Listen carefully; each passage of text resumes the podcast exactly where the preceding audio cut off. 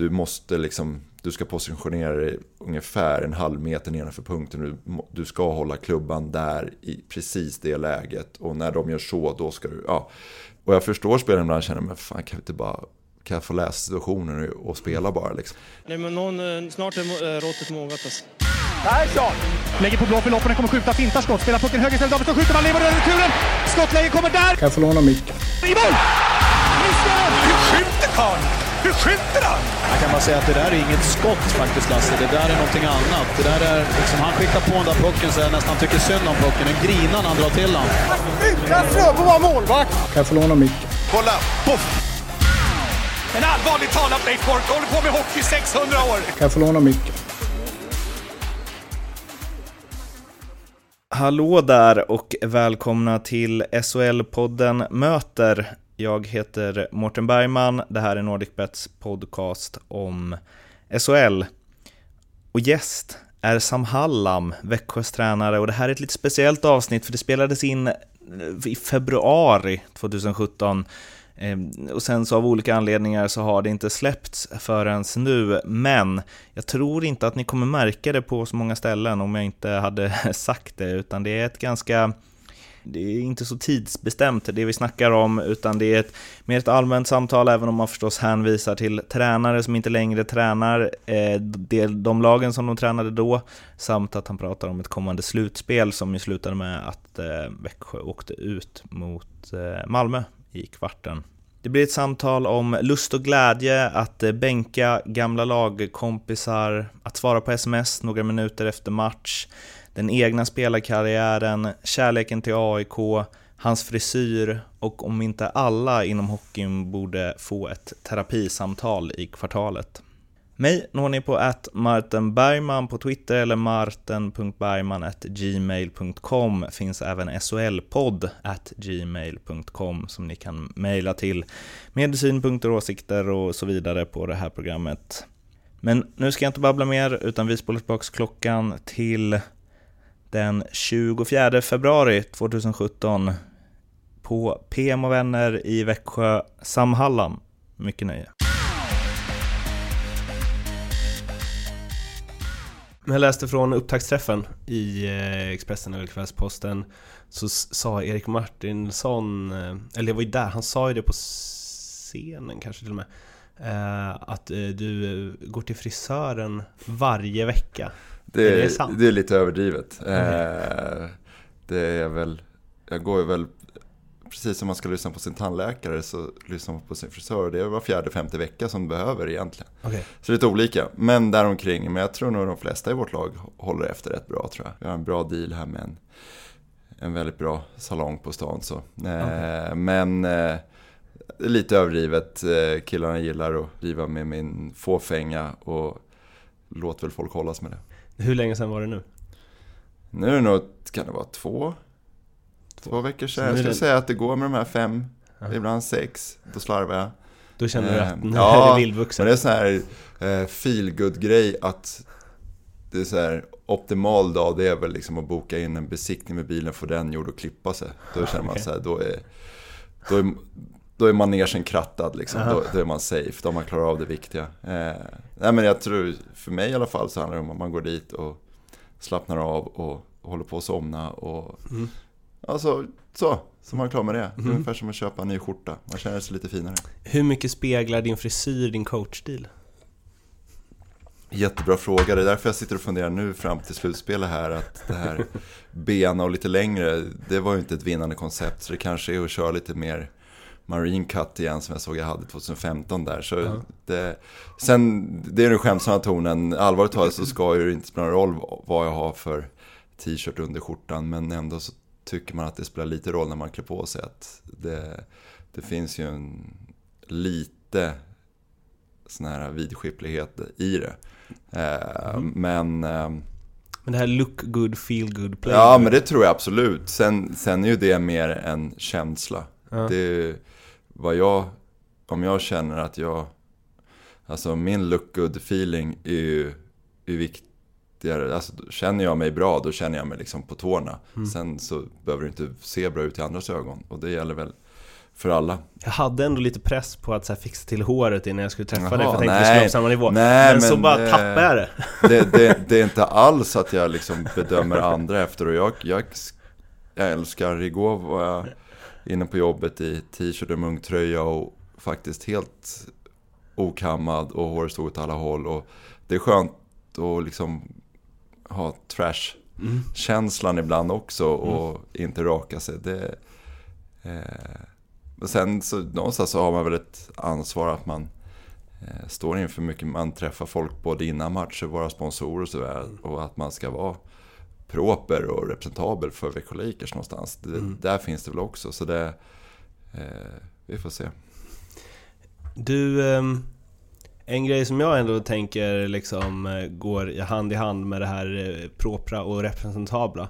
Det var när jag bokade den här intervjun och skickade sms och frågade om du ville med, så svarade du eh, ganska kvickt inpå. Och det var fan inte lång tid efter att ni hade åkt ur eh, COL alltså. Det var typ eh, 40 minuter eller något. Ja, Eh, Så sa jag det till en kollega, han bara oh shit vilket superproffs.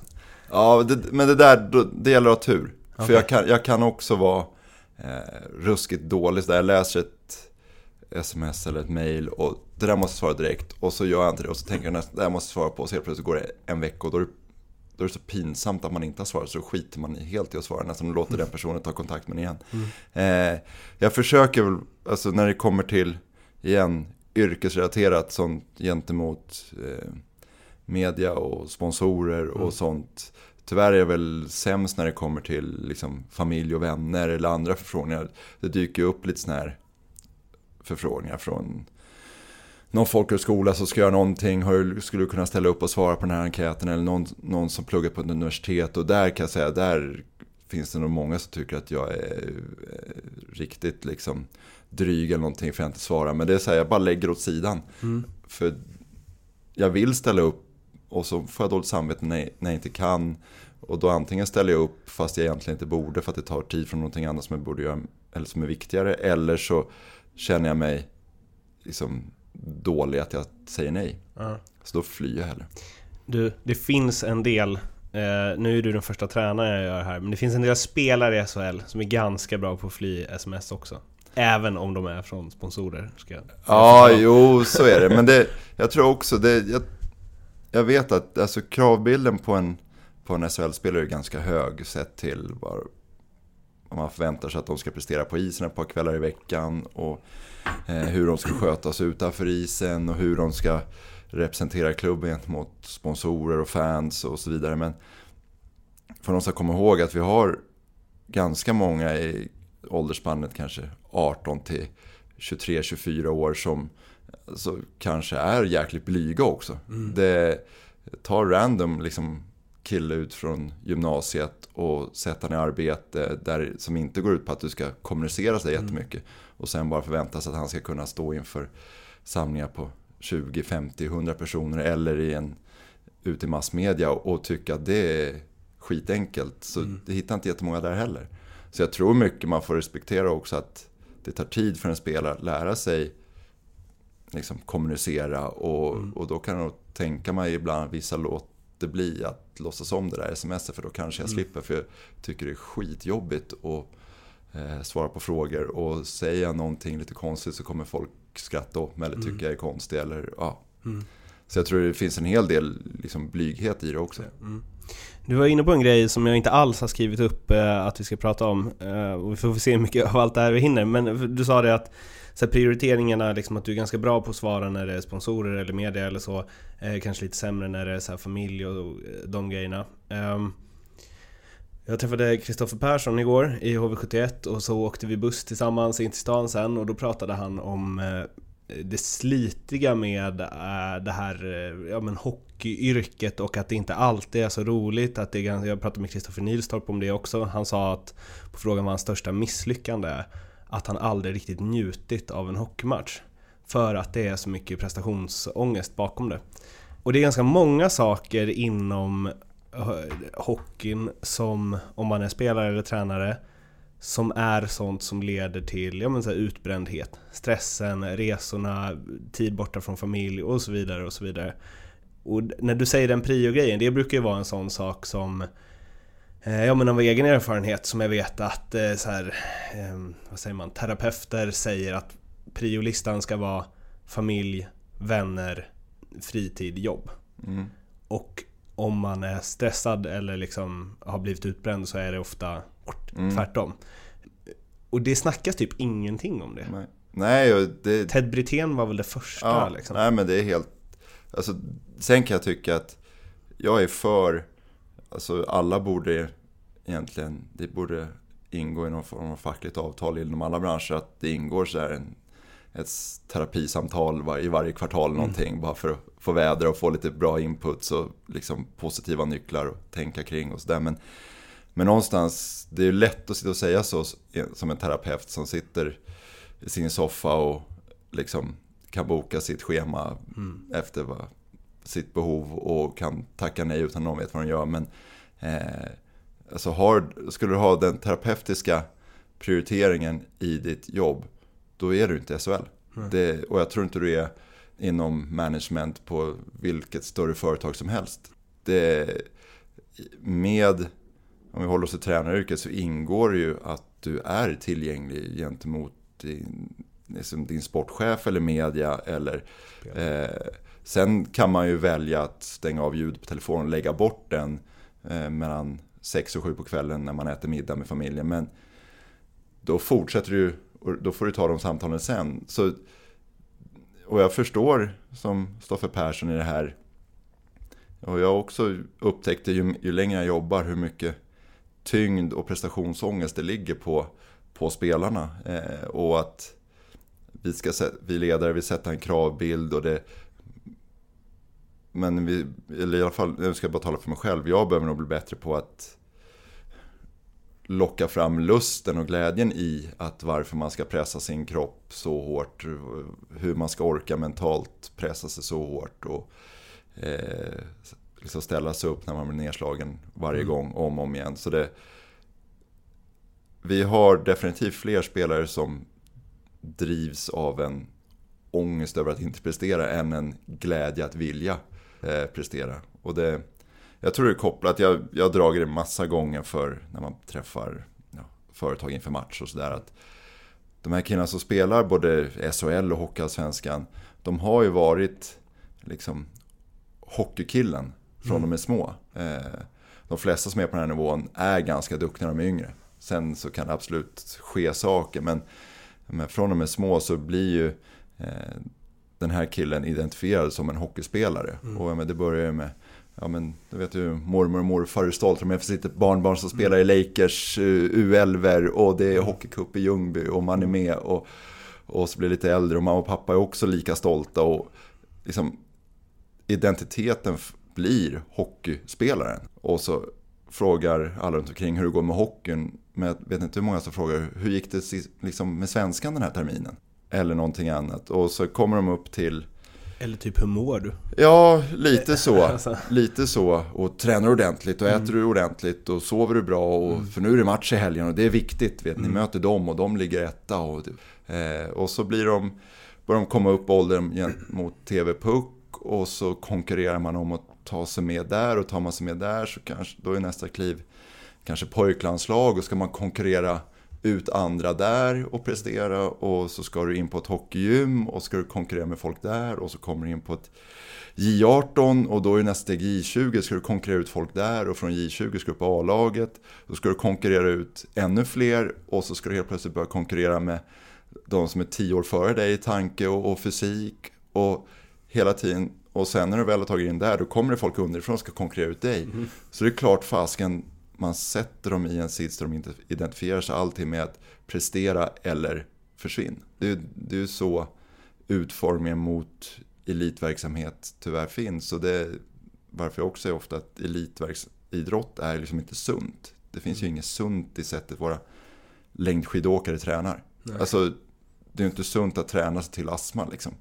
Utan att vara expert på området. Men det är inget sunt i det.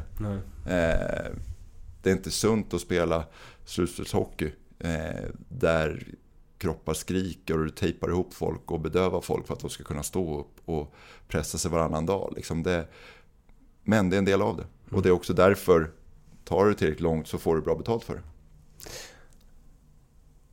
Vi ska inte stanna så länge på det här, men snabbt, din spelarkarriär. Det behöver vi inte stanna länge på.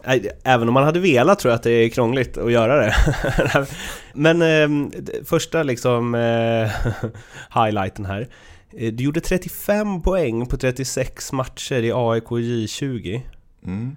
Eh, Var du back då? Nej, Nej, nej. Okej, var, det var förklaringen till Ja, det. ja. Ja, eh, då hoppar vi vidare då. Hur ser du tillbaka på din hockeykarriär? Du la av när du var 25 på grund av tre ja, men börja med, alltså egentligen riktningen tas väl någonstans där i juniorerna. Eh, och där jag inte liksom klarade att pressa mig och underkasta mig den träningen som behövdes någonstans. Eh, var väl liksom relativt skicklig och sådär men eh, blev ju liksom för varje år som gick från 14-15 års åldern liksom ikappsprungen eller omsprungen eller totalt ifrånsprungen av de runt omkring som hade ungefär samma talang. Och det, eh, så det är väl, eh, jag ångrar inte, men att man, där fanns det betydligt mer att göra från min egen sida. Så sen så hade jag ändå en jäkla tur att jag eh, fortsatte spela och gjorde ett år i ettan i Stockholm och sen hamnade i, i Bofors IK i Karlskoga och fick liksom fyra i fantastiska år i liksom ett grymt lag och lärde känna massa folk och min blivande fru och massa andra bra saker som hände i livet där och då. Så det, det tog mig ändå hemifrån och jag fick uppleva och, och flytta och jag fick liksom ja, kliva in i vuxenvärlden tack vare hockeyn. Men eh, anledningen att du la av var skador, eller hur? Ja, det, ihop med att, ja, jag definitivt ett par diskbrock som inte var alls bra och jag hade svårt att träna under två års tid där. Men, men också tappade lite sugen på att jag, jag kände ju bara att jag konkurrerar liksom inte. Jag blev bara sämre och sämre och det, då fick det vara bra. Poängtabellen är ju liksom eh, fallande.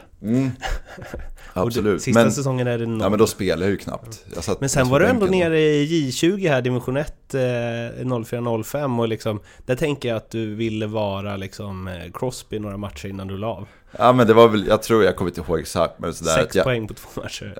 jag, bruk, alltså, jag hade någon period sådär att jag typ satt på bänken i 20 matcher i sträck utan att spela. Okej. Så ibland när spelarna ser förkrossade ut och inte har spelat på två matcher tänker jag så här, ja men det finns värre. eh, men så då var då dök det upp några juniormatcher på hemmaplan och säkert, alltså då var det roligare att spela några matcher bara för den sakens skull. Och sen kanske inte J20, typ under superelit håller sådär skitbra nivå liksom. Så till och med jag kunde gå in och se bra ut. glänsa. Istället för att fråga så här hur det kändes att lägga av och lägga ner karriären så, så hade du bytt att vara SHL-tränare mot att vara NHL-spelare i liksom, vad vet jag, fjärde linan där borta? Ja, ja, det måste jag säga. Det... Eh, ja men det, jo, det hade jag gjort. Definitivt. Det är ändå...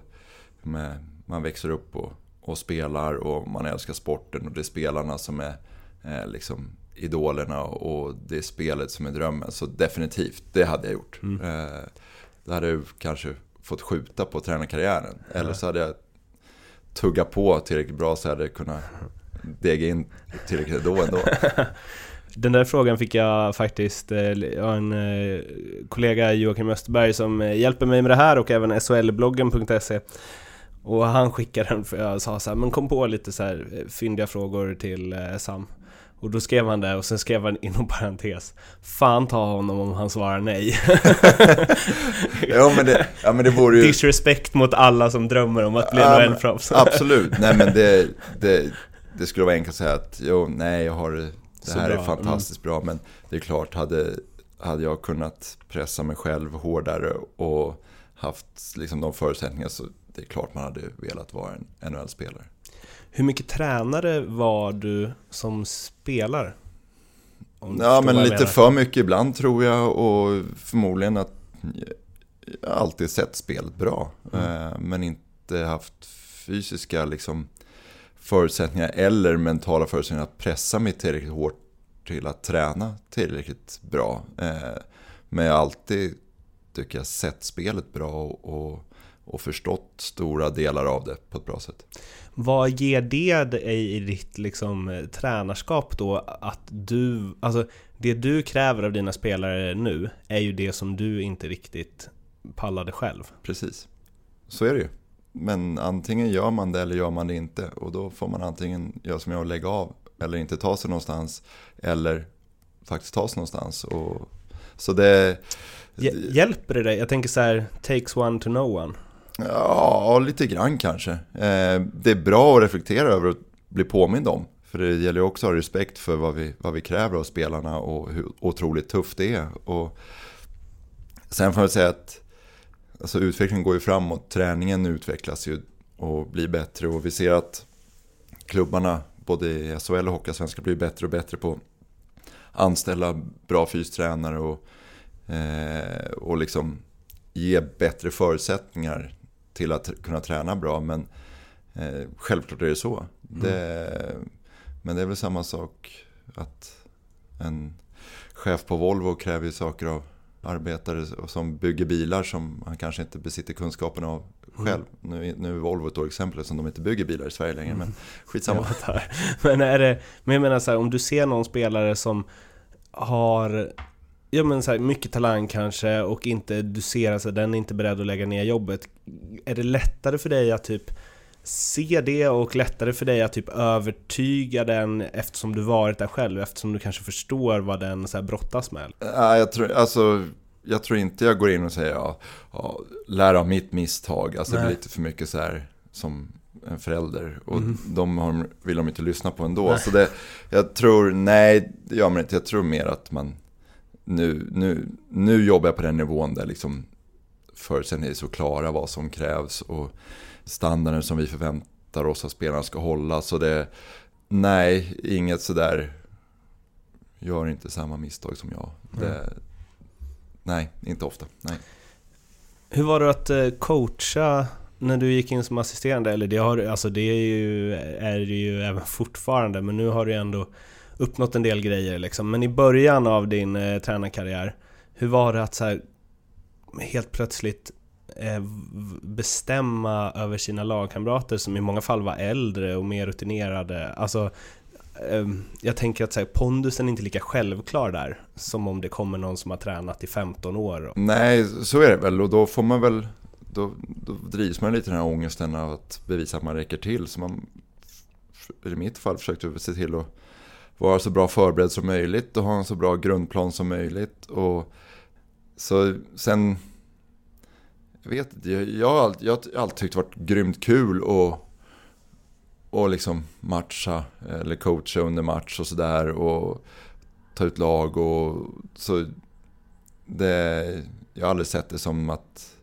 en jobb, det har varit några gånger jag, liksom, om jag blickar tillbaka man skulle gjort saker annorlunda eller, eller framförallt mycket bättre mm. och smartare från min sida men just om vi, det, är, det är väl eh, Bofors-tiden som, vi, som du relaterar till lite där och coacha killar som är äldre men också gamla lagkompisar så hade jag väl ändå en jäkla tur att det var väldigt bra personer som, eh, som, som jag gick från att vara medspelare till tränare för. Mm. Så det, och någonstans så får man ju försöka påminna både sig själv och alla andra runt omkring om att vi, vi drivs ju mot samma sak. Mm. Vi vill ju samma sak. Mm. Sen tyvärr tycker vi ibland olika.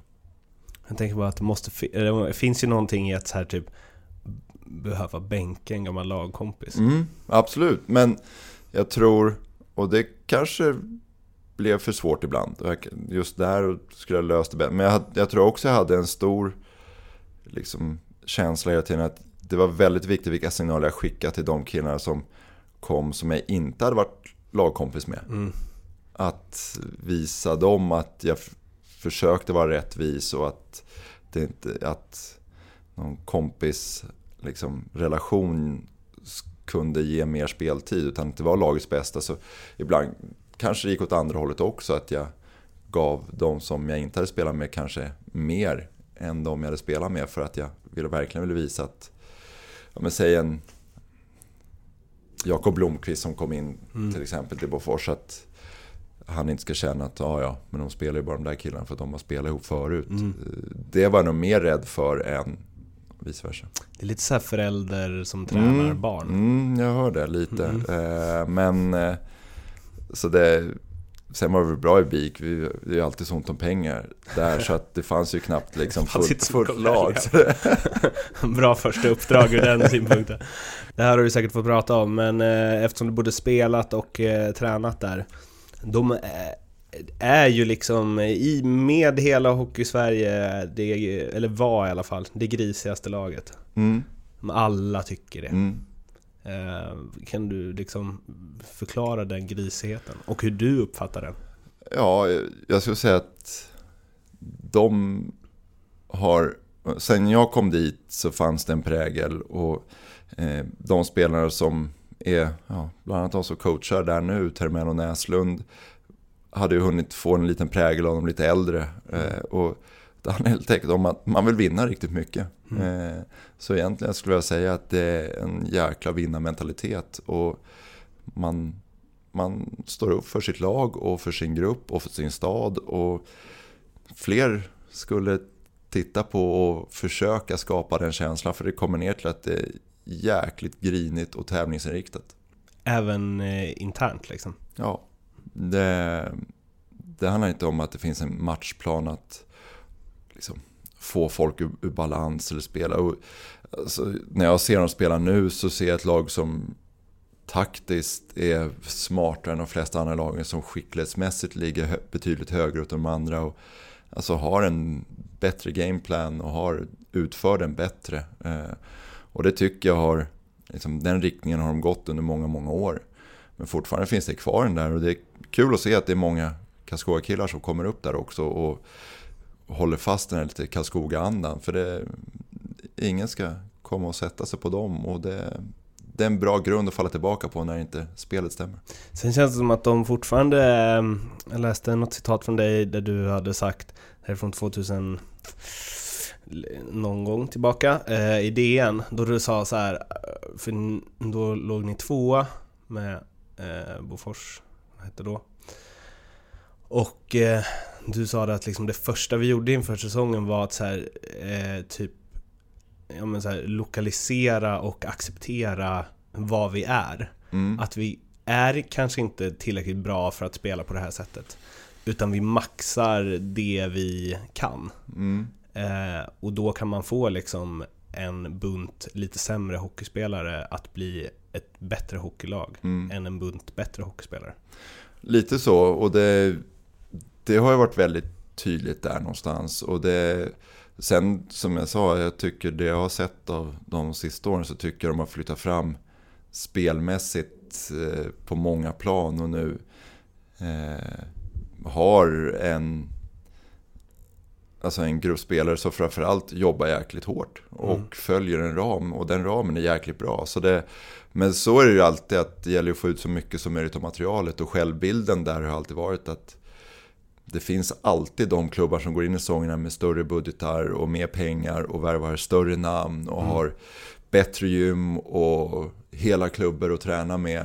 Ja, skit i det. Vi kommer slå det ändå ungefär. Så det, det skapar ju en ganska god känsla från början. Eh, sen, om vi bara ska hålla oss kvar där. Jag var där nu i mellandagarna och nu, nu finns det en träningshall precis bredvid. Som helt plötsligt dubblar istiden för att träna. Och det har byggts nya omklädningsrum, det har byggts eh, nytt gym. Alltså, nu börjar de skaffa sig förutsättningar. Att, så då kommer det in lite annat läge. Nu är det inte riktigt så skruffigt och ruffigt längre. Eh, gäller att växa in i det också. Den här frågan placerar jag bara in mitt i alltihopa. Men är du gnagare eller? Mm. Det, det är väl någonting som jag... Liksom när man spelar och sådär, då försöker man kanske tysta ner det lite. Och sen när jag började träna var jag också rädd att det skulle liksom, ja, ha en negativ effekt. Eller liksom, ja, att det inte var bra. Men jag tror, ju äldre jag blir känner jag att... Jag tror alla, la- alla liksom... Jag hoppas alla förstår att där man jobbar, där gör man allt man kan för att man ska vara så bra som möjligt och vinna så mycket som möjligt. Och jag har varit länge på de ställen jag, jag har jobbat på och har, jag med, Bofors eller jag, BIK Karlskoga, jag med, var ju både min, jag var där i fyra år som spelare och sen så massa, massa år som ledare och tränare och har en jättestark känsla för dem. Och nu är jag inne på min femte år här i Växjö och har genomgått liksom både tuffa perioder och, eh, och väldigt bra perioder och byggt upp en jättestark känsla för den här föreningen.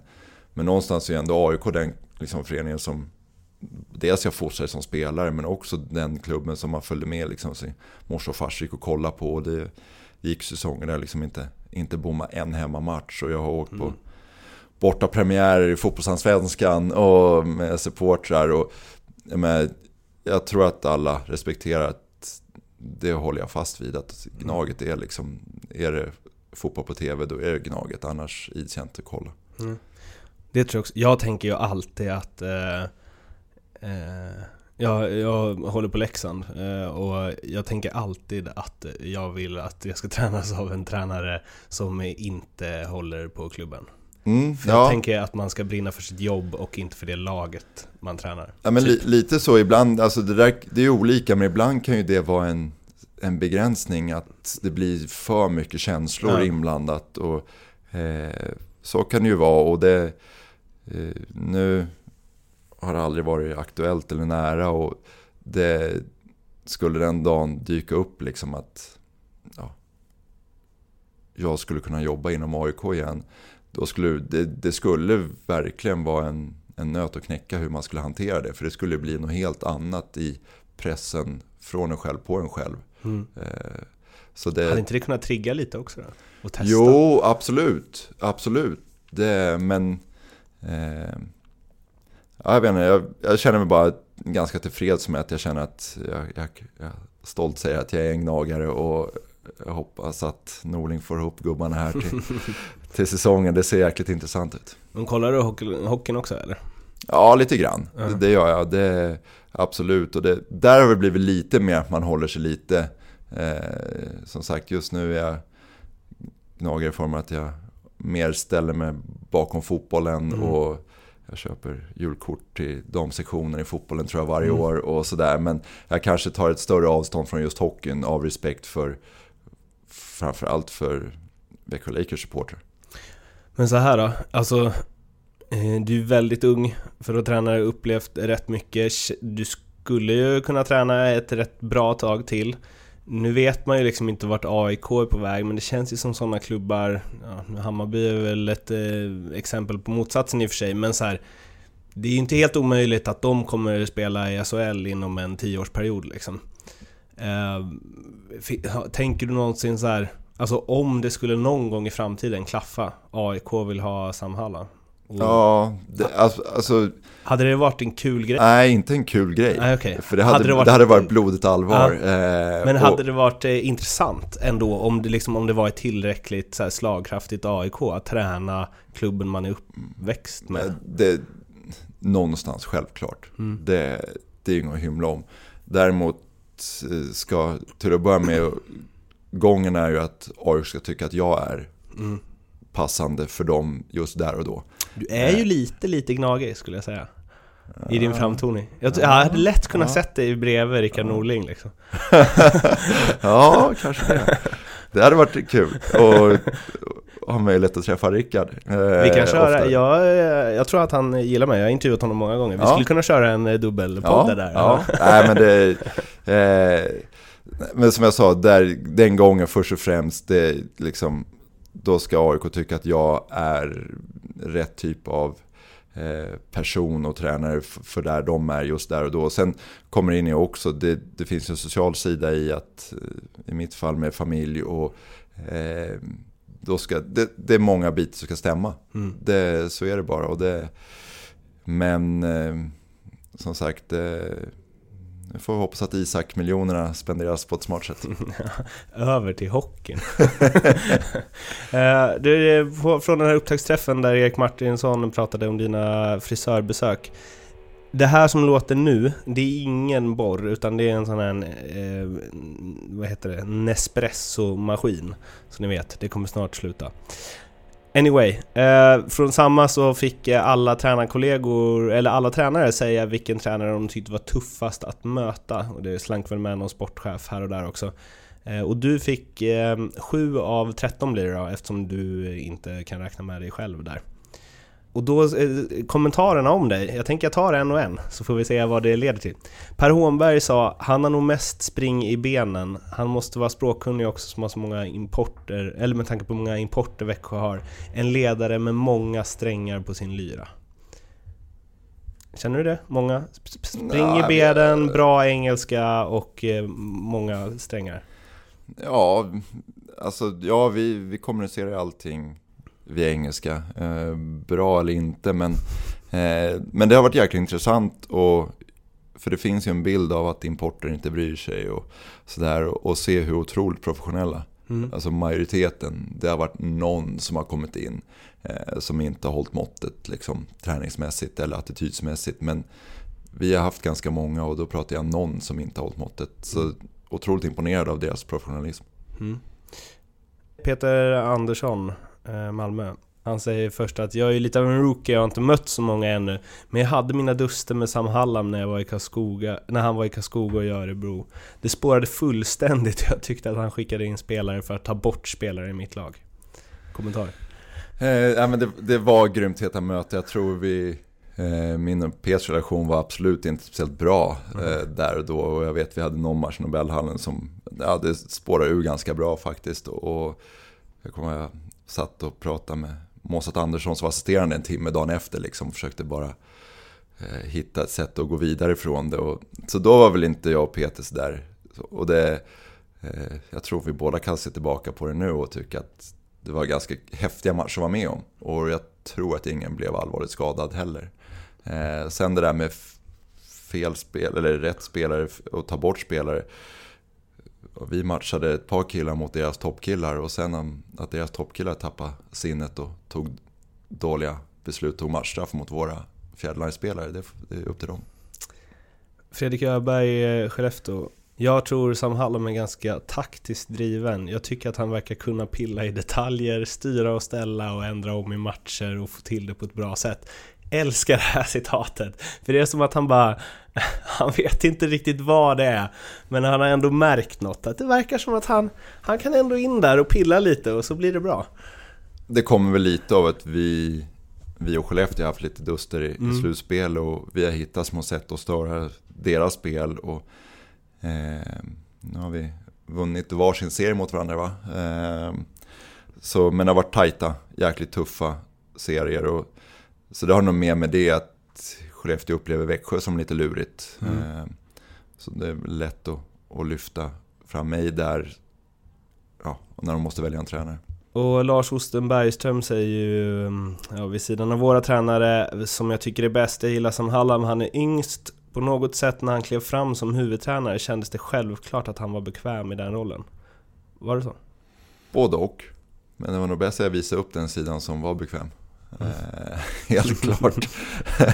eh, så det, men jag tycker att det jag gör är jäkligt kul och jag tycker jag är helt okej på det. det. Sen finns, för varje år som går så tycker jag att det finns mer och mer jag behöver bli bättre på. Men att jag är bekväm, ja. Jag, jag tycker det är jäkligt kul. Och det, och det är väl ett sätt att känna sig bekväm. Och slutligen eh, Johan Lindbom från HV71 säger eh, Sam Hallam i Växjö har varit svår eh, och jag vet att de har haft mycket bus för sig. Att han haft mycket bus för sig. Ja, han har ju snott en assisterande tränare där så han kanske fått lite, liksom lite skvaller från Niklas Ram där, jag vet inte men nej, jag, jag, jag tror att alla försöker hitta fördelar för sitt eget lag och i vissa matcher är vi aktiva i hur vi matchar, i vissa låter vi rotationen ha sin gång till exempel. Och sen försöker vi alltid liksom lokalisera om det finns någon styrka hos motståndaren som vi behöver vara noga med och försöka liksom bryta ner och förstöra för vårt bästa. Och någon svaghet som vi kan nyttja i deras spel. Och det, men det, det är så små saker och det är liksom... Och jag tror alla klubbar jobbar likadant. Fördelen jag har här i Växjö är att vi har ett grymt bra spelarmaterial. Så vi kan, ju- kan ibland göra förändringar som verkligen blir... Liksom, de, de lyckas. Men det är ju på grund av att det finns väldigt skickliga spelare på isen hela tiden som utför de här sakerna. Det, eh, hade inte vi den skickligheten i laget skulle vi inte kunna liksom, göra små taktiska saker och få utdelning på det. Och sen slutligen bara från en YouTube-blogg ehm, av en vlogg heter det väl med Niklas Wikegård. Så, så, eh, där han berömmer dig eh, i två minuter och så avslutar han med att eh, eh, han har blivit vuxen, klok och smart. Klok och smart. Ja. Eh, så snabbt, vilket är eh, ruggigt imponerande. Har du, eh, om vi så förutsätter att det stämmer då, ehm, har du alltid varit liksom en kloker? Ja, om, om, ska man säga kanske lite lillgammal, mm. lite så, absolut. Och det åt andra hållet så säkerligen har folk uppfattat mig lite som en, alltså i vissa fall antingen lite tråkig eller besserwisser eller sådär. Så ja, eh, för, ja, jag tror det. Och i det här, alltså jag började ju coacha när jag var 25. Så jag började liksom 10-15 år före de flesta andra. Så det är klart att jag har byggt på mig hyfsat med erfarenhet. Men det är ju för att jag började så pass tidigt. Jag pratade med, mm, träffade Micke Stare i helgen. En annan som började träna väldigt tidigt. Han var väl typ 15. Och då sa jag till honom så här, på tal om att han har varit i Kina, att jag tänker att när man tränar i Allsvenskan i fotboll så är man Alltså de flesta tränare på den nivån, de fotbollsmässiga kunskaperna är ungefär likadana. Det är inte det det handlar om, utan det handlar om att Precis som i Premier League, liksom, att få ihop gruppen, få alla att köpa ens idé, få alla att dra åt samma håll och liksom gå utanför sin typ comfort zone och jobba järnet i alla matcher. Jag, liksom, jag har aldrig spelat hockey, kan knappt åka skridskor och har liksom den taktiska kunskapen där är inte så stor. Eh, men då tänker jag så att, eh, för jag var på en dragning som Jeroen Dahlgren hade efter, så här, han visade hur en matchgenomgång eh, går till. Och då, jag var ju såhär wow, det här hade jag aldrig sett om han inte hade ritat upp det. Och sen såg jag det när jag såg matchen efter, att bara, nu gör han som de säger och bla bla bla. Men då sa han ju det, han bara, alltså vi har ju allt på alla lag. Och alla lag är allt på oss. Alltså allt man behöver finns ju idag och det finns liksom inga hemligheter. Men hur mycket är det det här blir en lång fråga och också Kristoffer Persson sa, på tal om att han hade lite svårt att här, anpassa sig till eh, Roger Rönnbergs eh, coachingstil. Att han bara helt plötsligt skulle man hålla så klubban 5 cm längre ditåt för att passningarna skulle bli så här. Alltså hur mycket är det sånt, uppfattar du det? Och hur mycket är du sån? Kontra att det handlar om att gå in, få alla att må bra, få alla att så här, kunna slappna av och prestera när det gäller som mest och bla bla bla. Kontra det rent hockeytaktiska. Det, det är en stor fråga. Ja, vet, men, men, men eh, det, är en, det är en bra fråga och jag jag tycker det är hela tiden den ständiga balansen. Där man hela, känner att nu är man lite för långt åt ena hållet. Nu är det för mycket bara kötta, kamp, åka, köra. Och så tappar man tanke och taktiskt utförande. Och åt andra hållet så hamnar man där det blir väldigt mycket taktiskt. Och då hämmar det den andra delen. Så det är balansen däremellan ska jag säga. Och då kommer ner till att de lagen som vinner är, har så pass skickliga spelare som klarar av att göra klarar av att hålla den här balansen mellan att ta smarta beslut, följa taktiska eh, ramar men fortfarande vinna närkamper eh, mm. och blocka skott. Det, så sen i vissa fall, jag tror vi, man, man är i olika faser i en säsong också där vissa delar är väldigt, väldigt taktiskt. Och Eh, och då som sagt, då kommer det ner till att men, du behöver... Där kan man säga att special teams i hockey kanske där är mest så detaljerat. Men just du måste liksom, du ska positionera dig ungefär en halv meter nedanför punkten. Du, du ska hålla klubban där i precis det läget. Och när de gör så, då ska du, ja. Och jag förstår spelaren ibland känner, men fan kan vi inte bara, kan jag få läsa situationen och spela bara liksom. Mm det är vad jag oftast brottas med är vi för taktiska nu, är det för mycket video, för mycket, vi måste göra si där, så där. Och så hämmar det den här liksom bara fria kreativiteten och, Och så glömmer man helt plötsligt bort att ja, men den där kampen i hörnet för hockey går ut, alltså det är så otroligt mycket närkamper. Och ibland så förenklar man och säger att nej, men de vinner fler närkamper, därför vinner de matchen. Mm. För det kommer ju ner till det, men det gäller ju att vinna fler närkamper och ha en bättre taktisk Mm. smartness än motståndaren. För det där stör mig något oerhört. Eh, och det är jag och Joakim som jag berättade om förut som hjälpte till lite med frågorna snackat mycket om att så här, kommentarerna alltid är så här, vi ska in mer på mål, åka mer Mm. skridskor, bla bla bla. bla. Mm. Men, det det handlar om, det, och det sa även Ge- Geron där, Mm. för jag frågade om varför så powerplay hade varit så dåligt och då trodde jag aldrig han skulle säga det, men då var han så här, han bara, ja det kan vara så enkelt att för att spela powerplay måste man ha vissa skills. Mm. Och vi kanske inte har dem i laget riktigt. Mm. Eh, och då tänker jag så här, det handlar inte alls om att åka mest skridskor, mest in på mål. Det handlar om att vara skickligast Mm. eh, hockeyspelaren. Mm. Enstaka matcher kan man vinna på bättre inställning, absolut. Men överlag så, alltså jag vet inte, Sidney Crosby är inte bäst i världen för att han åker mest skridskor.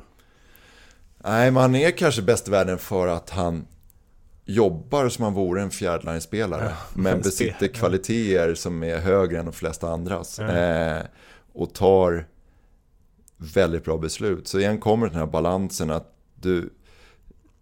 Riktigt framgångsrika lag och det, alltså det ser enkelt ut när alltså, riktigt bra hockeylag eller fotbollslag eh, Mm. spelar och sådär. Men, men då är ju hemligheten att då har de ju kommit dit att de jobbar jäkligt hårt för varandra för att, och sen kan dra nytta av sin skicklighet. Mm. Det, och precis som ja, i Leksandsfallet där så vi mötte ju dem här i, i veckan och jag var grymt imponerad över deras noggrannhet och insats i närkampsspel, i fränheten, i spelet vid målen. Men när vi matchar upp den, då är vi lite bättre. Mm. Så, så är det bara. Nu ska vi dit snart. Och vi åkte på stort, eller stort torsk gjorde det inte, men vi, vi tog, nu blev det så här Aftonbladet-rubrik. Men vi, vi förlorade eh, mot dem. Eh, och så kan det vara, men det kom, ja, det är ändå balansen. Du kan inte, du, du kämpar inte till liksom att vinna ett mästerskap eller ett slutspel. Eh, du måste ha skill och skicklighet för att kunna avgöra i avgörande lägen och utnyttja motståndarnas misstag och så vidare. Men du måste också ha det där grundarbetet och det... Så, men jag, jag hoppas och tror att hockeyn går mot mer skicklighet, mer fart. Eh, För det har varit väldigt... eh, Den defensiva delen av spelet har utvecklats otroligt mycket. Och då gäller det för oss alla att hitta liksom, motverkan mot det. Och jag tror, jag hoppas att det går mot ännu mer skicklighet. Jag kom på det här nu när vi pratade om så här hur mycket en tränare betyder för ett lag. Med noll eh, disrespect mot dina kunskaper. I en så här serie på sju matcher. Om jag hade ställt mig i båset för Kanadas World Cup-lag mot Växjö. Hade Kanadas World Cup-lag kunnat ha vunnit den serien? Nu, ja, nu pratar vi på liksom så stora nivåskillnader. Eh, med ett- på Mm. För jag tänker att jag kan ju säga eller? till dem, precis, jag tänkte, det, men varannan match kanske, lite så. Men där tänker jag att jag hade kunnat säga till dem att bara, boys, gå ut, drick bärs, käka Mm. burgare, må bra och sen lirar ni som ni brukar lira. Ja, jag vet inte, ärligt talat. Det, alltså det, det har inte med, med dig och mig att göra. Det har att göra med att ofta, ett lag vill ha ramar, eh, någonting att luta sig mot. Och eh, skulle du tillämpa liksom anarkimodellen så skulle vissa tycka att de skulle spela mer än andra och det skulle kunna bli liksom en ganska snabb grund för att det skulle spridas lite missämja. Men det skulle också kunna slå helrätt och bara, ja men fine, jag vet vem jag är så jag kör mina sju minuter på vänsterkanten och låter de andra göra sitt. Och så så jag, håller, jag, är, jag är åt ditt håll också, jag tycker också att tränaren får en överdriven betydelse när man värderar resultaten. Alltså en, en tränare som, eller ett hockeylag som vinner så får tränaren väldigt mycket cred. Eh, går vi tillbaka två år när vi vann, vi, vi hade ett fantastiskt bra lag. Och vi hade ett otroligt bra målspel. Det kan inte tränaren påverka jättemycket hur målvaktsspelet är. Han kan hjälpa till och försöka ha ett bra försvarsspel. Men, så jag håller med att det är fortfarande spelarna på planen som, som avgör det. Mm. Uh, och då, då, till nästa fråga då, som är, man ska inte ställa två frågor igen, men det gör jag ändå. Hur mycket ansvar tar du personligen eh, när det går dåligt under en period kontra hur mycket du känner att det är din förtjänst när det går bra? Rent mänskligt som de flesta gör så tar man på sig mer ansvar när det går dåligt och tycker att det, det är på grund av att vad, vad jag gör eller vi ledare gör som att vi inte vinner och när vi vinner så ser vi hur, hur jäkla bra spelarna är. Mm. Eh, så det, det är som var, jag tror man, man hittar snabbare vägar och vara negativ mot sig själv, eh, definitivt.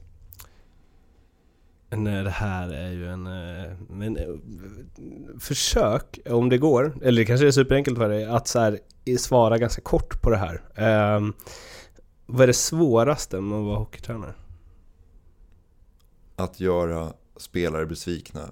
Att inte få spela i tillräckligt, till, eller så som de vill eller i den rollen de vill. Och motivera eh, varför du inte spelar ikväll till exempel. Eller imorgon. Det ihop med att se liksom besvikelsen eh, över förluster eller motgångar. Där man igen känner det här. Hade jag gjort ett bättre jobb så hade inte den personen behövt må så dåligt. Det, det är definitivt det, det svåraste och tråkigaste. Blir du bättre på det? Jag hoppas det, men jag vet inte. Ja, vissa delar av det, mm. ja. Men i grunden så handlar det bara om att vara, bli bättre och bättre så spelarna får vinna mer och må bättre. Mm. Det, men i motiveringen av att i konkurrenssituationer och så vidare, jag hoppas det. Mm. Och det men det är men på den nivån vi är med, där allting finns på video och via stats och allting så kan man tycka att det finns väldigt mycket svart på vitt men det är fortfarande en människa som ska bli åsidosatt mm. av någon annan och det är mitt beslut att göra det. Det är, det är aldrig roligt men samtidigt så det är en del av det och vi har betalt för att hantera det. Säger man liksom Pelle, alltså jag vet att du vill lira här men du är inte tillräckligt bra för det och därför så får du lira fjärde kedjan och göra det här jobbet även om du helst hade velat göra det här. Ja, mer eller mindre. Samtidigt så ser vi till, till hur vi matchar laget så är ju till exempel numerären första till fjärde kedja ganska ovidkommande. Mm. För dels... Ja, men så här då, du får sitta på läktaren. Där, då är det ju ett större mm. hopp definitivt. Och eh, ja, krass så kommer det ner till det. För det där är också eh, tänkt på, och, det, och återigen när han till när Jeron hade sin genomgång så visade han på någon som gjorde fel i en sekvens. Typ inte åkte tillräckligt fort hem så båda mm, forwards hann ifatt och då hann han inte spela sig ur situationen. Och då var jag lite så alltså när man så tar upp det här, då måste man ju någonstans, hur gör man det? För jag tänker så bara, varför åker du inte tillräckligt fort här? Eh, och det är så här, någonstans tänker jag att i vissa spelare gör inte det. Det är deras så här naturliga, mm. att man bara så här gör som man alltid har gjort. Ja, ish. Ja. Uh, och det måste ju bli så himla så här. Ah, jag vet inte, jag bara tänker hur jag hade känt om någon hade bara Okej, okay, och här ser vi Mårten Bergman som eh, såsar när han ska hem. Eh, och eh, därför så tappar vi pucken och sen gör de mål. Mm. Det måste ju vara så jävla, alltså, mm, fin, fina liksom skruvar och skruva mm. på för att förmedla det rätt på alla sätt. Liksom. Absolut, jag tror jag har blivit... Vi, vi, var, vi, vi hade något år, två här i veckan, vi var jäkligt ärliga med videon. Mm. Eh, alltså, vi ville hålla alla ansvariga för vad man mm. gör där ute. Eh, och då blev ju lite videon ett sätt att alltså, gör rätt för dig eller så kommer det upp. Så använder vi det här exemplet som mm. någonting som vi måste göra bättre som lag. Där kanske blir försiktigare och ser spelarens eh, säga, integritet lite högre och försöker jobba med, med mer positiva förstärkelser. Mm. Och, men, men även så händer det saker, alltså att vi, vi måste visa saker på video och säga att det här är att vi som lag ska kunna lära oss av en situation än att alla ska behöva göra samma misstag. Eh, bara för att korta ner den processen. Och där får man också titta på vilka kanske man väljer att, att sätta en sån sits. Eh, också det, eh, det finns ju i varje lag de killar som är tillräckligt hårda och nästan vill använda mig. För det, det är helt okej. Du får släpa mig under bussen mycket som helst om det hjälper oss som lag. Eh, men Oh, sympatisk, ett här personlighetsdrag. Ja, men det... Det gillar man ju. Jo, absolut. Och det, eh, så är det. Men det, det, det är, men det är en jätte, liksom, vital fråga gällande allting vi gör. Hur vi, hur vi förmedlar feedbacken. Förstärker vi det som är bra? Kontra lyfter vi på det som inte är bra? Men någonstans måste det komma ner till att det ska kunna vara ärligt. Eh, Jag tror också spelarna känner om det blir påklistrat. Torskar man fyra matcher på raken med 4-1. eh, Då är det saker som görs som inte är bra. Då finns det också tror jag en stor grupp spelare som vill känna att ta upp det som inte är bra. Så det läggs på bordet och inte bara göms undan. Så det, men det är väl där någonstans man får försöka ha någon form av fingertopp. Om du hade kastats in som ehm, coach i ett eh, NHL-lag eh, imorgon. Vad tror du att den största omställningen hade varit för dig som tränare? allt skulle jag säga. Jag tror spelarnas eh, alltså status, eh, nivån på apparaten runt omkring, rinkstorleken, skillnad i, i spelsättet som bedrivs i stort här hemma i SHL kontra hur det ser ut i, på nordamerikanska rinkar. Eh, jag tror det är en jättestor eh, skillnad. Och jag tror att det är väl också därför vi fortfarande inte har sett svenska coacher ta speciellt stor mark. Vi har ju ett par där borta, men det är ju killar, de, de är ju väldigt nordamerikanska i att de har bott och spelat där i 15-20 år. Så det, men det hade varit jäkligt intressant att se vad man skulle kunna ta en, lite den delen av possession-hockeyn som finns här hemma kontra det de ser som possession-hockey där borta. Och hur tight det är mittzon eh, när det är mycket smalare. Och, så det skulle vara jäkligt intressant eh, faktiskt. Om du hade fått möjligheten att coacha i NHL, hade du tagit den? Ja, absolut. Det, jag, jag, jag säger ju att jag tror vägen är jäkligt lång att gå. Och jag tror att... Jag hoppas att liksom de svenska framgångarna på spelarsidan ska spilla över. att och jag hoppas de svenska coacher som finns i Nordamerika nu ska ges utrymme att få ännu större uppdrag. Men jag tror också att man ska vara mycket för att det är en jäkla skillnad på, på arbetssätt och på, eh, på hockeyn som spelas. Men kanske kan några få möjligheten att vi- bana väg för fler. Men jag tror också att då skulle inte steget tas så att säga från SHL eller, eller från Europa rätt in i NHL. Jag tror att det skulle bli en process med AHL-tid till att börja med. Vi, jag brukar köra en avslutande mm, ja, snabbfrågor. Eh, och de blir ju lite annorlunda nu eftersom du är tränare och inte spelare. Men eh, ganska mycket likt i alla fall. Har den taktiska utvecklingen gått framåt så pass mycket så att du som tränare 2017 eh, hade kunnat göra liksom mirakel med ett lag på typ 80-talet? Ja, du behöver inte hoppa så långt. Okej. Hoppa tillbaka till början på 2000. Asså? Ja, Okej. Mhm. Är det så?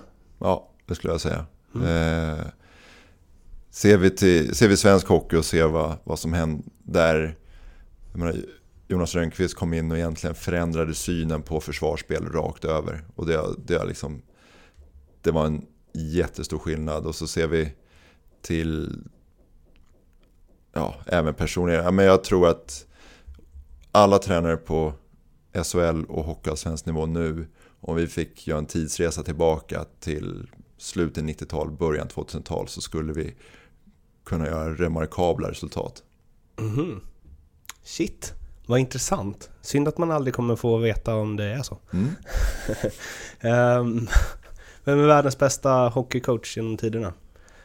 Och nu får du inte säga att alla har sina uppsidor och det är liksom eh, beroende på vad man tränar. Nej, svårt. Jag, jag direkt börjatt leta i huvudet. Eh, inte alls, men mm, om vi delar upp det lite då och, säger, och håller oss här hemma Mm. eh, till att börja med. Så, jag med, Tommy Sandlin stod ju för stora förändringar i både tränings och spelsätt. Mm. Eh, det är ju de, definitivt en av Sveriges, ja, säg Sveriges största Mm.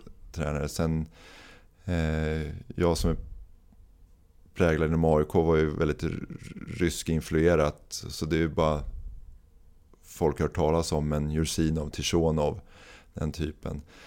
Ser vi framgångsrikt så, jag menar, jag menar Scotty Bowman är väl den som kommer upp som har gjort fantastiska resultat över lång tid.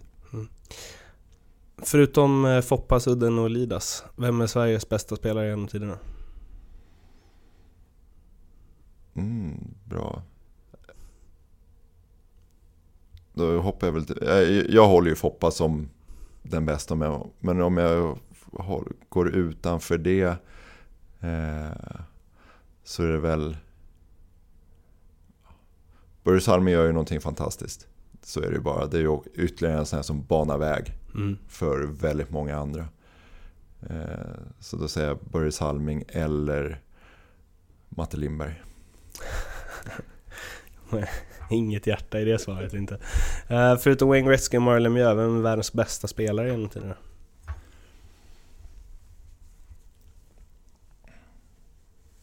Jag tycker att Sidney Crosby är där. Han vinner. Han vinner med sitt klubblag, han vinner med sitt landslag. Han studsar tillbaka efter skador, han levererar toppoäng, han levererar liksom spel från mållinje till mållinje. Det är så Sidney Crosby. Om du får tänka helt fritt, vilken regeländring, hur galen den än må vara, hade du velat se inom hockeyn? Eh, Om än bara för liksom en kort period för att se hur det ser ut. Mm. Jackie Blomqvist ville ha bort alla linjer. Ja, Helt vit is. Så han kunde ligga och fiska. precis. Så han fick vara den han egentligen är. Exakt. Nu när han ska vara lagkapten och arbetsmyra och allt.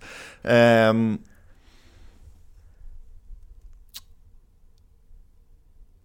ja, det, tystnad är ju inte bra, men det betyder att jag tänker.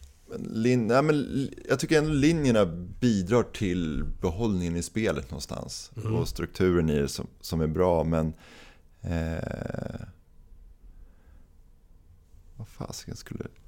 Jag, jag tycker vi har ändrat så mycket regler, så jag tycker liksom nu har vi en bra, bra regelsättning som... Men om man skulle säga så här, en match då, bara för att du är nyfiken på Mm. hur det skulle se ut. Mm. Alltså skottklocka skulle vara intressant. Så Mm. Passivitetsvarning. Ja, Eh, sådär, nej, så, får lämna pucken. ja. Det, det, ja, skottklocka. Daniel och Henrik Sedin hade ju tappat på det, tänker jag. De kan ju hålla den i två minuter innan. Ja, Eh, skott, ja det är riktigt bra. Här är det ju, och du har ju spelat, men jag tycker att det är roligare att ta det som eh, från tränarsynpunkt då, eftersom du har gjort det på högre nivå. Den bästa spelaren som du har tränat. Och då kanske inte så här bästa CV-mässigt, utan den du tycker har varit bäst. Mm. Eh, det beror, men jag tyckte som när jag var i Karlskoga så tyckte jag att Mattias Karlsson, Kolan nu i KK, kom upp på en nivå som var väldigt, väldigt, väldigt hög. Mm. Eh, och tar vi nu i, i Lakers så Svårt, det, igen, det, det är inte att jag parerar att sådär, men folk har ju, eller spelare har ju olika egenskaper. Eh, men Rickard Gynge är ju den girigaste spelaren i ett positiv bemärkelse. Mm. Att varje byte är en chans att göra mål. Det, det är en jä- så Rickard är en jäkla häftig spelare på det sättet. Sen har du en som Nick Johnson som kanske är den bästa framför mål i hörnerna. Eh, och jag, jag hyllar ju väldigt ofta eh, Thomas Kiskinen som den som besitter en bredd i sitt spel ihop med en jäkla tävlingsinstinkt. Och den bästa spelaren som du mött som eh, tränare? Oj, nu, risken är alltid man, man glömmer att just de möter man i någon match här och Mm. där. Och, Men man tänker så här, liksom, där, något där du kommer ihåg att bara fan, Mm. vi får inte stopp på honom. mm, jag tycker han spelar i SHL nu, jag tycker Jocke Lindström är otroligt vass. Mm. Det, han har... Han kan, han kan sätta den här tjuriga sidan till och åka och proppa lite och vara, vara en faktor i det fysiska spelet samtidigt som han kan dominera spelet med sin spelskicklighet och sin teknik. Så äh, jag, jag tycker Jocke Lindström är vass. Och här brukar både spelare och jag antar att du också har många svar här men um, Försök hålla dig till ett. Den bästa, för spelare blir det så här, den bästa lagkamrat de haft, det vill säga som man tyck, som de eh, tycker att man ska vara i ett omklädningsrum och i ett lag för att bidra med så mycket som möjligt liksom. Eh, Så det blir ju den, den spelaren som du har haft som du om du ska bygga ett lag från grunden och ska ha någon som ser till att det är gött och bra kravställning och hej och hå. Eh, vem tar du då? Mm, jag skulle nog ta, ja, det finns ett par att välja på men Tobias Termell visar väl nu som tränare också. Och då kan man nog tänka sig hur han var i, i ett omklädningsrum. Eh, nej, Tobias Termell. Har du blivit starstruck någon gång kring hockeyn? Ja, definitivt. Eh, vi, vi var uppe i Övik och hade spelat, vunnit som vi har skickligheten nog att göra oftast där uppe. Eh, och så på väg från presskonferensen så eh, stötte jag ihop med Kent och, och Peter Forsberg. Då, då blev jag starstruck. Det sa jag kom in i omklädningsrummet efter matchen. Det var highlighten av den här säsongen hittills. Det var vid jul ungefär. Eh, så det kan jag bli. Definitivt. vad sa ni? Kent var nog mest bitter på Modo, att de var Ja. dåliga. Eh, sådär tjurigt gubbitter, norrländskt. Eh, Där drar man inga skämt, eller hur? Om att Modo precis har torskat. Nej, nej, nej, absolut inte. Eh, eh, definitivt inte. Eh, så, sen kommer jag inte ihåg så mycket mer än så, men det, det är det jag kommer ihåg. Hur mycket tjänar du? Eh, bra. Eh, ja, jag tror egentligen jag är reglerat att jag inte får uttala mig, men eh, som SHL-coach så tjänar man bra. Tre gånger så mycket som en grundskollärare. Är du f- för öppna löner i SHL? Vissa dagar, när, när jag tycker spelarna ska hållas ansvariga för att de faktiskt kvitterar ut sig mellan 5 och 10 000 för ett, för ett dags jobb. Eh, men jag vet inte om vi riktigt, om vi skulle hantera det på rätt sätt. Eh, då, då skulle jag koppla det att då skulle man nästan behöva ha ett, ett, liksom ett lönetak, en öppen budget också. Jag tycker vi kan börja där, att budgeterna skulle vara öppna och att vi skulle ha ett, ett lönetak och ett lönegolv eh, i SHL för att Hade du varit för det? Ja, det, jag tycker då hade man på något sätt kunnat säkerställa nivåerna. Man, Mm. ha, har man ett lag i SHL så ska man ha si och så många miljoner i för att säkerställa kvaliteten på truppen. Mm. Din största framgång inom hockeyn? Ja, det är SM-guldet, definitivt. Så är det ju. Det, men sen, sen finns det sådana här, det finns ju andra, det, det blir, om jag, jag har varit tränare på två, på två ställen och eh, att gå till kvalserien med, med Bofors var också otroligt liksom, stort att möta Djurgården i kvalserien och kvittera i slutminuterna var ju oförglömligt liksom, som jag kommer bära med mig. Eh, men SM-guldet toppar ju allt. Och ditt största misslyckande? Det, det, där finns ju mycket fler, tyvärr. eh, nej men vi, i BIK så hade vi en grym bra säsong och torskade inte två matcher på raken på hela året förrän vi gick in i playoff och blev utslagna direkt två raka på Malmö. Grymt besviken över det. Eh, ja, de två slutspelen där vi inte har vunnit här med Lakers. Vi åkte ut mot Färjestad i en match 6 i Karlstad och vi åkte ut mot eh, Skellefteå i fjol i match 7 i övertid. Grymma besvikelser. Men jag skulle ändå säga att det första året mot Färjestad. Det tog hårdare. Eh, Den här frågan är ju lite så eh, luddig, men eh, den ly- lyder så här. Vad är det sjukaste som har hänt dig kring hockeyn som du kan säga on tape? Men det hade lika gärna kunnat vara berätta något kul. Ehm, Det vill säga anekdotläge. ja, nej, men jag, Mm. Jag får hoppa tillbaka. Det är bättre att hoppa tillbaka i tiden. Det är liksom... Mm, Det är ganska många som gör det. Det, det, är säk, ja, det, det är säkrast så. Och, det är väl, och eftersom jag precis hyllar han som kanske den killen som har betytt mest för lag så, så hade vi, när jag spelade i, i Bofors en säsongsavslutning, vi spelade uppe i Boden och sen så skulle vi flyga hem väldigt tidigt på morgonen. Bussen skulle gå typ fem från Bodensia, eh, hotellet där. Och, och alla var på bussen utom en och det var Tobias Termell.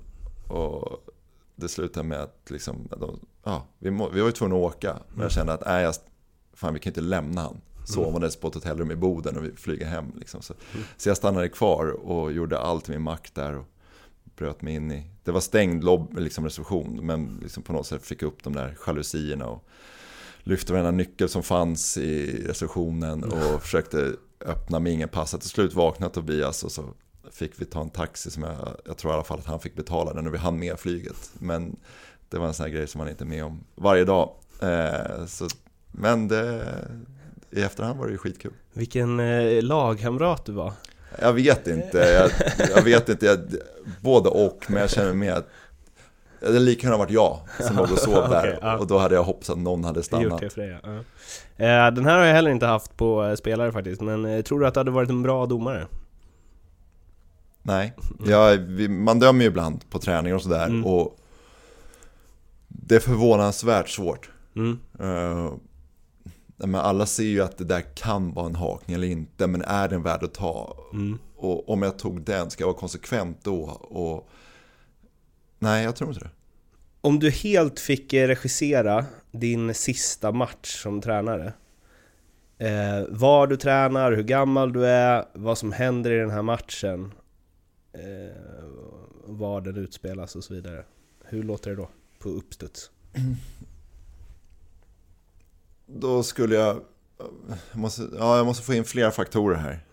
Eh, räkna lite på mina föräldrars ålder här. Eh, och säga att de ska klara sig genomsnittligt så har jag väl ungefär 20 år på mig. Så då plussar vi på ungefär, säg 15 då. Eh, hur gammal är jag då? Då är jag, f- då är jag början på 50. Shit. Ja men vi säger det. 20. Ja men ehm, jag är 52, 53. ehm, och det står 3-1 med två minuter kvar. Med två minuter kvar gör vi sista målet i tom kasse. 4-1. Det är avgörande SM-final. Och det är AIK som vinner SM-guld. Mina föräldrar, min familj. Eh, på läktaren. Mm. Ehm, och slutligen Vilken annan SHL-spelare, tränare eller ja, någonting eh, hade du velat höra i den här podden? Flera. Eh, Tystnaden betyder inte brist Kör. på... Jag Eh, behöver input här. Ja, eh, jag tycker, eh, ja, men tar de närhet, ja, men som om man går till andra klubbar, Alexander Johansson i Färjestad som var, var här i Lakers fyra år, väldigt framgångsrik och mycket bra tankar kring hockey och haft en karriär som inte har varit spikrak men som har tagit sig Mm. jäkligt långt. Eh, det skulle vara kul att höra geniet Jeremy Colleton Mm. på svenska. Bra tips. Tack så mycket för att du ville vara med. Tack för att jag fick vara med. Där var vi i hamn med det här och jag hoppas verkligen att ni uppskattade samtalet med Sam Hallam. Det gjorde jag. Och gjorde ni det får ni gärna gå in på iTunes och Acast och prenumerera och likea och ge fem stjärnor och allt sånt där. Så gör det mig mycket, mycket glad. Vi hörs igen om en vecka. Tills dess, ha det fint. Hej!